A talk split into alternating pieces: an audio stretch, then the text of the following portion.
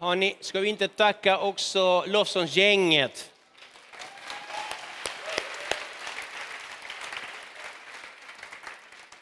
Fantastisk lovsång. Ja. Om du är här för första, eller andra, eller tredje eller fjärde gången. Femte gången också är välkommen. Du är välkommen hit. Finns det några här som är nya här? Ja, räck upp handen. Titta, det finns några. Du och du, titta. Så, du såg dig. Ja. Välkomna ska ni vara till eh, Citykyrkan idag. Och, eh, eh, mitt namn är Jorge Moreno och är en av pastorerna här i det här huset. Och jag känner Gud tillsammans med min fru Rosa som är där någonstans och tolkar just nu. Ja, men känn dig välkommen. Hur många gånger ska man välkomnas hit, säger du? Vi har inte ens börjat. Så bra. Eh, vi befinner oss just nu i en predikoserie där vi pratar om trosbekännelsen.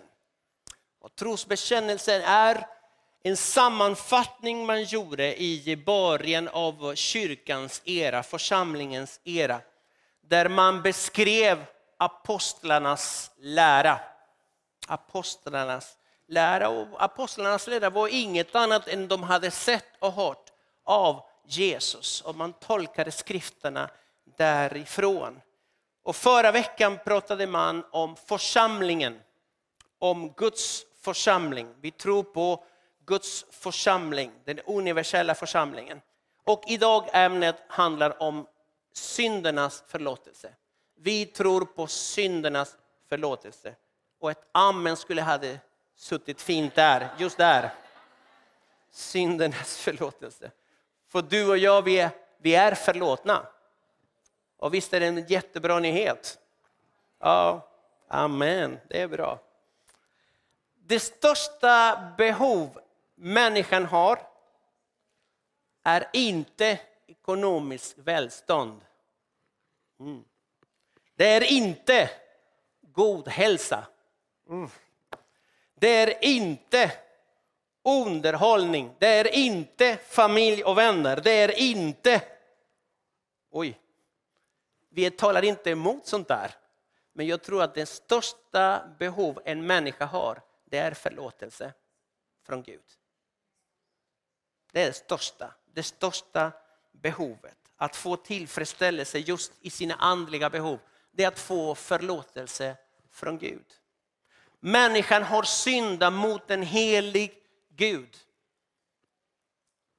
Och därav relationen mellan människan och Gud är en bruten relation. Men någonting inom oss, inom varje människa ropar och längtar efter gemenskap med Gud. Varför? Det är för att vi är skapade till detta. Vi är skapade till att ha en nära relation till Gud. Och Bibeln säger den basunerar ganska fort att alla människor, kan ni säga alla människor? Utan undantag. Ni behöver inte upprepa det nu. Alla människor, alla har syndat och saknar härligheten från Gud. Det finns någonting som människan saknar. Det finns en saknad som varje människa kan uppleva. Det är som att man föds med ett hål här inne, inombords. Och den känslan av tomhet kan bara fyllas med Gud själv. Man kan fylla det, man, människor försöker fylla det med, med, med, med sprit och droger och relationer och resor och allt möjligt. Försöker hitta meningen med livet. Men jag tror att det där kan bara Gud fylla. För när Gud kommer in, det som är tomt blir fyllt och det som är trasigt blir helt. Och då hittar man sitt syfte. Och vad är för syfte? Syftet är att upptäcka vem Gud är. Att upptäcka att han älskar mig. Att upptäcka att han gick hela vägen mot ett kors för min skull. För att jag skulle bli återvunnen eller vinnas tillbaka till honom. För att jag skulle lära känna honom och för att hans vilja skulle ske i mitt liv och i ditt liv. Det här är vårt syfte. Men det finns någonting som, som står i vägen. Och det kallas för synden. Synden. Och synden är mycket mer än bara ett lögn eller det där eller det där är fel. Det är mycket mer än bara moraliska saker. Synden är att missa sitt syfte, att missa sitt mål. Att inte gå med Gud utan att gå från Gud. Att leva ett liv frånvänd från Gud. Då missar jag någonting där. Men när jag vänder mig mot Gud kommer jag alltid att finna en Gud som har redan vänt sitt ansikte mot mig och som vill inget annat än att riva ner alla murar, allt som skiljer oss, all avstånd ska bort för att jag ska kunna komma nära, så nära som det bara går. Då kan vi uppleva Guds frid. Guds frid. Har du upplevt Guds frid? Guds frid är mycket mer än lite fjärilar i magen. Guds frid är mycket mer än oh, vilken skön känsla, vilken skön vibe i kyrkan idag. Det är mycket mer. Guds frid är när vi har gjort upp med Gud. Guds frid är när allt är i sin rätta ordning, när allt är som det är menat att vara. Det är Guds frid. Och därför när Gud intar sin plats, den platsen han förtjänar och den platsen han vill ha, då kan vi få uppleva Guds frid. Alla människor har en inbyggd GPS som talar om för oss att vi har tappat kursen. Att vi är på fel väg. Och det är just detta som är att missa målet. När vi rör oss bort ifrån Gud och inte närmare. Vårt samvete säger, du är på fel väg. Det är fel riktning på det här. Och en känsla att vi bär på en skuld mot en helig Gud. En skuld som vi inte kan betala. För mina vänner, syndernas förlåtelsen är inte någonting som vi kan prestera oss fram. Jag ska vara hur duktig som helst och då ska jag till himlen. Så funkar det inte. Synderna försvinner inte för att jag är duktig, för att jag gör rätt saker. Utan synderna, mina synder blir förlåtna när Jesus kliver in i min berättelse. Amen på det. Amen. Så då finns det inget större än människan kan uppleva än Guds frid. När Gud tar över vår berättelse. Det står så här i Filipperbrevet 4 och 7. Jag ska läsa lite bibeltexter så här. Då ska Guds frid som övergår allt förstånd bevara era hjärtan och era tankar i Kristus Jesus. Tänk när våra tankar och våra känslor, våra, våra, våra hjärtan får Guds frid. Guds frid. Det, oron försvinner där liksom bekymren försvinner. Herren tar hand om mig. Han ska hjälpa mig. Och Jesus säger så här, frid lämnar jag efter mig i Johannes 14 och 27. Min frid ger jag er. Inte ger jag er en sådan frid som världen ger. Låt inte era hjärtan oroas och var inte modlösa.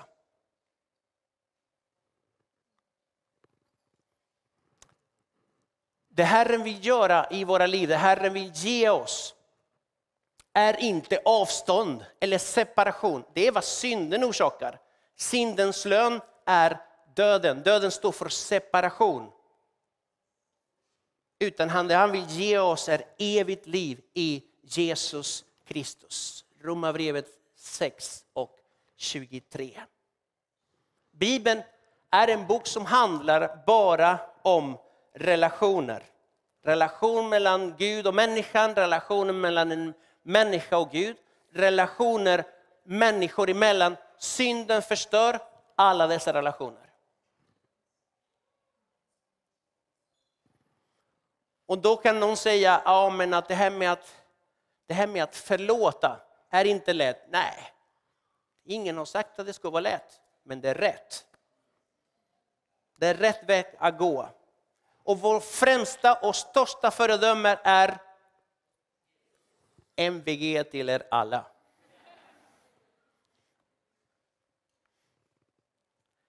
Det största föredömet. I hans värsta stund här på jorden, han hänger på ett kors.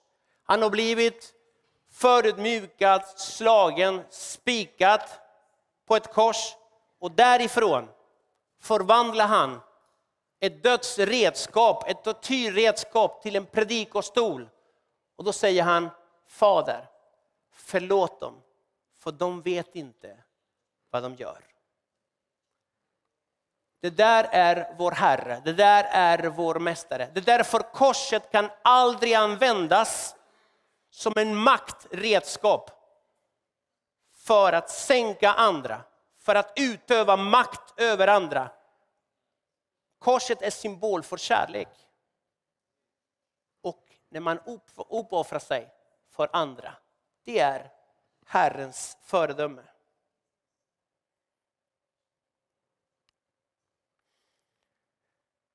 Det vi kallar för synd handlar om, handlar om att såra och eh, skada andra. Och det är därför bland de tio Guds bud, den första delen handlar om hur vi ska förhålla oss till Gud, den andra delen handlar om hur vi ska förhålla oss till varandra.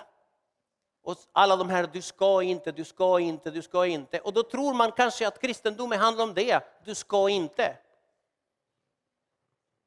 Och när någon frågar Jesus, vad är det främsta i lagen? Vad är det främsta i skrifterna? Då säger Jesus, du ska inte, så säger han inte. Utan det han säger är att du ska älska Gud. Med hela ditt hjärta, med hela din själ, med hela ditt förstånd. Och sen ska du älska din näste som dig själv. Och jag tror att det är väldigt svårt att synda mot någon man älskar. Så lösningen på det här det är att älska andra. Det är väldigt svårt att, när du älskar en person att ljuga för den personen, att slå den personen, att eh, utnyttja den personen. Det är väldigt svårt. Så jag tror att lösningen när det gäller förlåtelse handlar om att faktiskt att älska.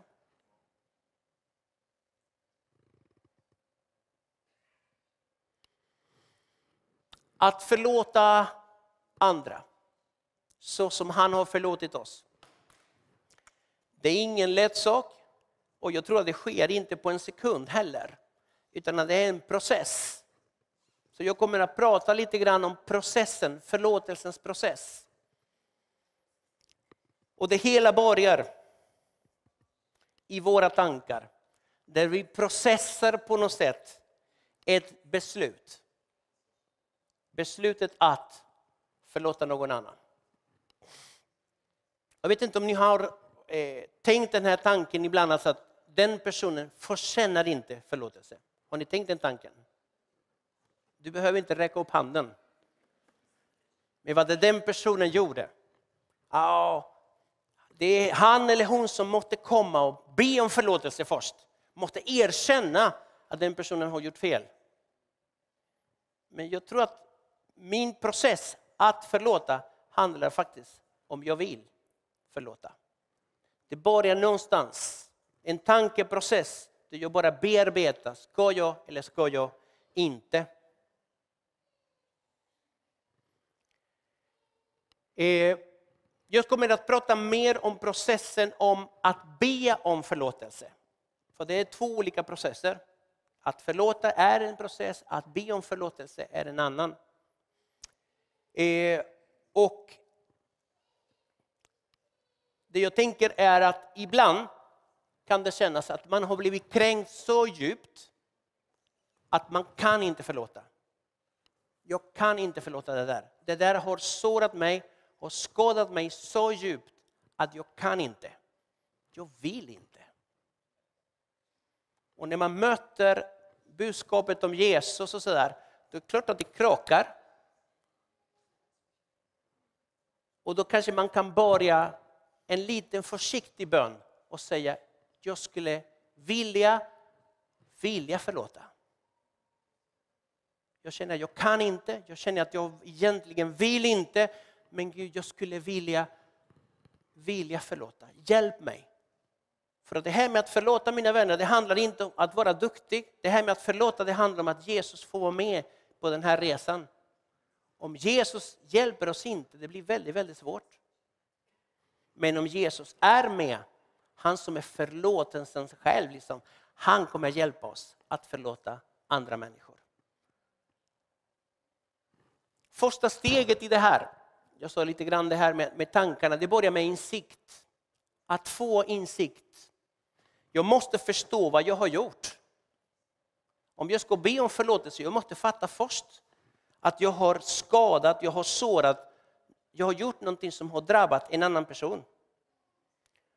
Och i den förlorade sonen eh, kan vi hitta, eh, i Lukas 15, kan vi hitta någonting där han säger så här i 15-17. Då kom han till besinning och sa, det här med att han sa det, det behöver inte betyda att han sa det högt, utan jag tror att han sa det till sig själv. Hur många daglönare hos min far har inte mått i överflöd och här håller jag på att dö av svält. Jag vill stå upp och gå till min far och säga till honom, far, jag har syndat mot himlen och inför dig. Han har börjat att fatta någonting. Någonting har börjat att trilla in. Man börjar få insikt att kanske jag behöver gå och be om förlåtelse. Jag måste göra upp med den personen som jag har sårat. Process nummer två, eller punkt nummer två. Ånger. Man behöver ångra sig. Annars spelar det ingen roll att jag säger förlåt. Har ni sett, har ni sett när barnen bråkar, ni som har föräldrar, barnen bråkar. Och säger, Amen, säg till din bror förlåt, förlåt. Och menar ingenting med det. Han tänker fortsätta att slå sin brorsa liksom, bara tio minuter senare. Förlåt. Det där förlåt betyder ingenting. För det första, man har inte fått insikt och man ångrar ingenting. Så jag tror att man behöver ångra. Det finns i Bibeln, det står så här att det finns en ånger som leder till frälsning. Jag tror att det finns någonting, mitt inre är berörd. Jag, jag känner att det där, det, det, det där var inte bra. Jag måste göra något åt det här. Och på pingstdagen, när, när Petrus började predika, det var tusentals människor som reagerade på budskapet. Och det kommer någonting, det står att det högg till i hjärtat på dem. Alltså, mitt inre blev berörd. Och då kommer en fråga, vad ska vi göra bröder? Det var frågan ett behov av förlåtelse. Vill du ha Guds frid i ditt liv? Jag tror att det har med förlåtelse att göra. Gå till Gud med det. Och kanske Gud kommer att peka och säga, du kanske du måste göra upp med... punkt, punkt, punkt. När man inser allvaret i det man har gjort, då vill man ta ansvar för det man har gjort. Och det där kommer att bära oss till nästa punkt. Och det är punkt nummer tre. Bekännelse. Bekännelse. En sak som jag har tänkt på är att när man ångrar sig, när man har gjort någonting, när man har, när man har sagt någonting eller gjort någonting som har sårat en, en annan människa, en annan person. Det, det blir någon slags brutenhet. Och jag tror att den där brutenheten, det är inte alls fel, det behövs. Har du gjort fel, då är det klart att du ska må dåligt.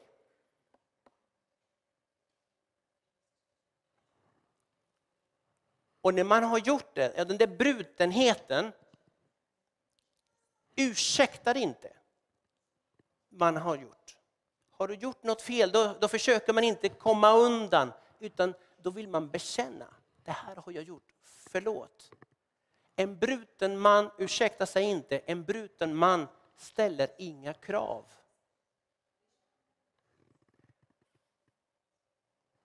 Och att bekänna är befriande. Kung David säger så här i en av psalmerna, psalm 32, han säger så länge jag teg förtvinade mina ben vid mina ständiga klagan, min ständiga klagan. Så länge jag teg. Men längre fram säger han så här, då uppenbarade jag min synd för dig. Jag dolde inte min missgärning. Jag sa, jag vill bekänna mina överträdelser för Herren. Då förlät du mig min syndaskuld. Det, det, finns något med befrielse att göra när det handlar om förlåtelse. När vi bekänner våra synder inför Herren och inför varandra, det finns befrielse att få. Jag har syndat mot himlen och inför dig, så den förlorade sonen. Han erkände det. Det finns en stor vinning här och det är befrielse av frid. Vad händer om vi bekänner våra synder? Det står så här i första Johannes 1 och 9. Om vi bekänner våra synder är han trofast och rättfärdig så han förlåter oss våra synder och renar oss från all orättfärdighet. Amen. Så gött! Så gött. Har vi gjort någonting, då går vi till honom. Vi gömmer inte det. Utan vi kommer till honom. Förlåt min Gud, jag har syndat. Mot dig, men också mot någon annan. Och han hjälper oss, han renar oss. När den förlorade sonen kommer till pappan och luktade svin, luktade gris. Det första pappan gör är att ge honom en ny dräkt. Det finns ett blod som renar oss precis från vad som helst. Men då krävs det att jag får insikt om detta, att det finns en bekännelse i min mun, att det finns ånger i mitt hjärta. Punkt nummer fyra, omvändelse. Det som jag sa i början, vad hjälper det att säga förlåt när jag tänker göra det igen nästa vecka? Utan förlåt innebär också, jag vet att jag har skadat dig, jag har sårat dig. Det innebär att jag tänker inte göra om det här, för jag vet att det är fel. Därför vänder jag om. När de här människorna på pingstdagen säger, vad ska vi göra bröder? Det första Petrus säger är, omvänd er. Vänd om, ändra riktning. Du har gjort så här och så här och här. Sluta med det där, utan vänd om. Det är omvändelse. Och Herren hjälper oss alltid med detta, att vända om. Punkt nummer fem, vi börjar närma oss slutet. Botgöring, det här gillar vi inte, men vi pratar om det ändå. När jag har upptäckt att jag har sårat någon, jag har fått insikt, jag har ångrat mig, jag har bekänt och jag har, vill vända om. Nästa steg är, vad kan jag göra för att lindra det som jag har orsakat? Det hjälper inte att säga, förlåt, nu glömmer vi alltihopa. Ah, nu går vi vidare. Lycka till med alla dina känslor, med alla dina... Hey, Gud ska hjälpa dig med det där jag tror att det är bra att när jag har gjort någonting, när jag har sårat, det finns också i mig någonting, kan jag få lindra det där. Det som jag har orsakat. Det är att ta ansvar för sina handlingar, mina vänner. Förlåtelse handlar inte om att komma undan. Förlåtelse handlar om att ta ansvar för sina handlingar. Jag har skadat dig, jag har sårat dig. Vad kan jag göra? Förlåt mig, vad kan jag göra för att lindra din smärta?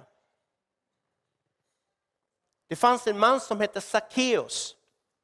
Han var en tulltjänsteman och han hade lurat en och annan på pengar och sådär. Men när frälsningen når honom, det första han säger är Herren, hälften av det jag äger ger jag åt de fattiga och om jag har bedragit någon ger jag honom fyrdubbelt tillbaka. Det här är ett hjärta som har vänt om. Det här är ett hjärta som vill lindra, det här är ett hjärta som vill göra upp. Det här är en, en, en människa som vill ta sitt ansvar för det man har gjort. Och sista punkten, det är att när man har fått förlåtelsen från Gud, det finns en person till du måste förlåta och det är dig själv. Att förlåta sig själv. Jag vet att jag gjorde fel. Jag vet att jag inte skulle ha gjort det, men jag gjorde det. Herren har förlåtit dig, då måste man också förlåta sig själv. Ibland går man omkring med jättedåligt samvete för man, man är lite för hård mot sig själv. Guds sätt att förlåta är att glömma.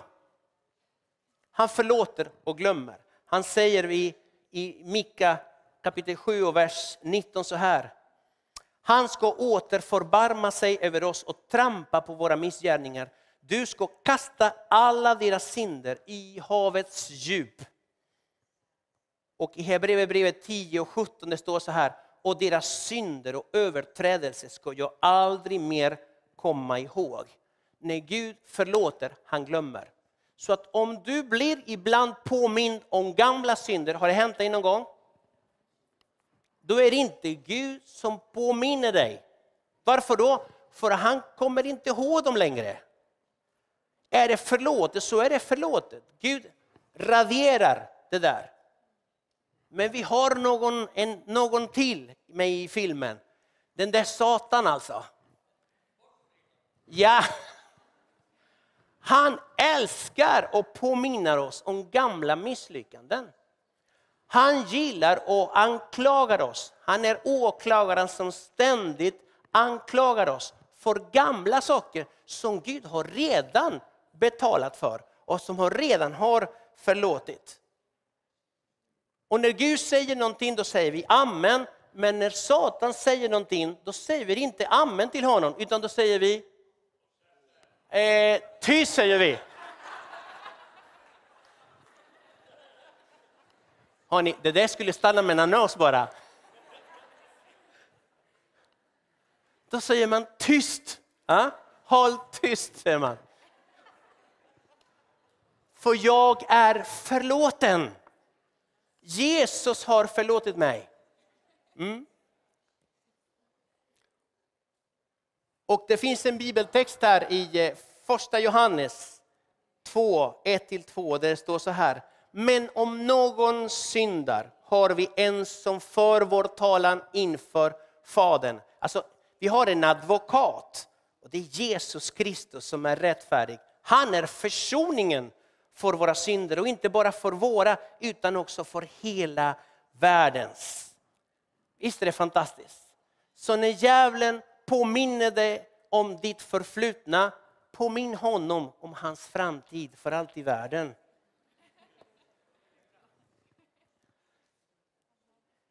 Men jag har syndat, säger du. Gå till Herren, säger jag. För att förlåtelsen finns bara hos honom. Hos honom. Lösningen när jag misslyckas med någonting är aldrig, säg efter mig aldrig, aldrig att lämna Jesus. Det är aldrig att lämna Herren. Lösningen är vänd om och kom till honom för att där finns det förlåtelse. Och den som kommer till mig kommer jag aldrig att kasta ut, säger Jesus. Det spelar ingen roll vad du har gått igenom, hur mycket eller hur inte har du misslyckats. Det finns alltid en öppen famn hos Jesus. Synd är inga problem för honom. Han dog för det.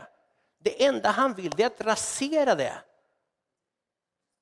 Kan någonting separera oss från Guds kärlek? Svaret är nej. Så hans famn är öppen. Men vi behöver komma till honom. Vi behöver komma till honom. Och den helige Ande hjälper oss i detta. Den helige Ande hjälper oss i den här processen att förlåta andra människor. Han hjälper oss.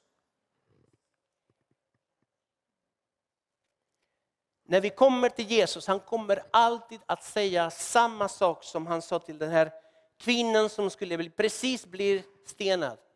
Han kommer alltid säga, jag förlåter dig, gå och synda inte mer. Det finns förlåtelse i namnet Jesus. Kan vi böja våra huvud just nu? Halleluja Jesus.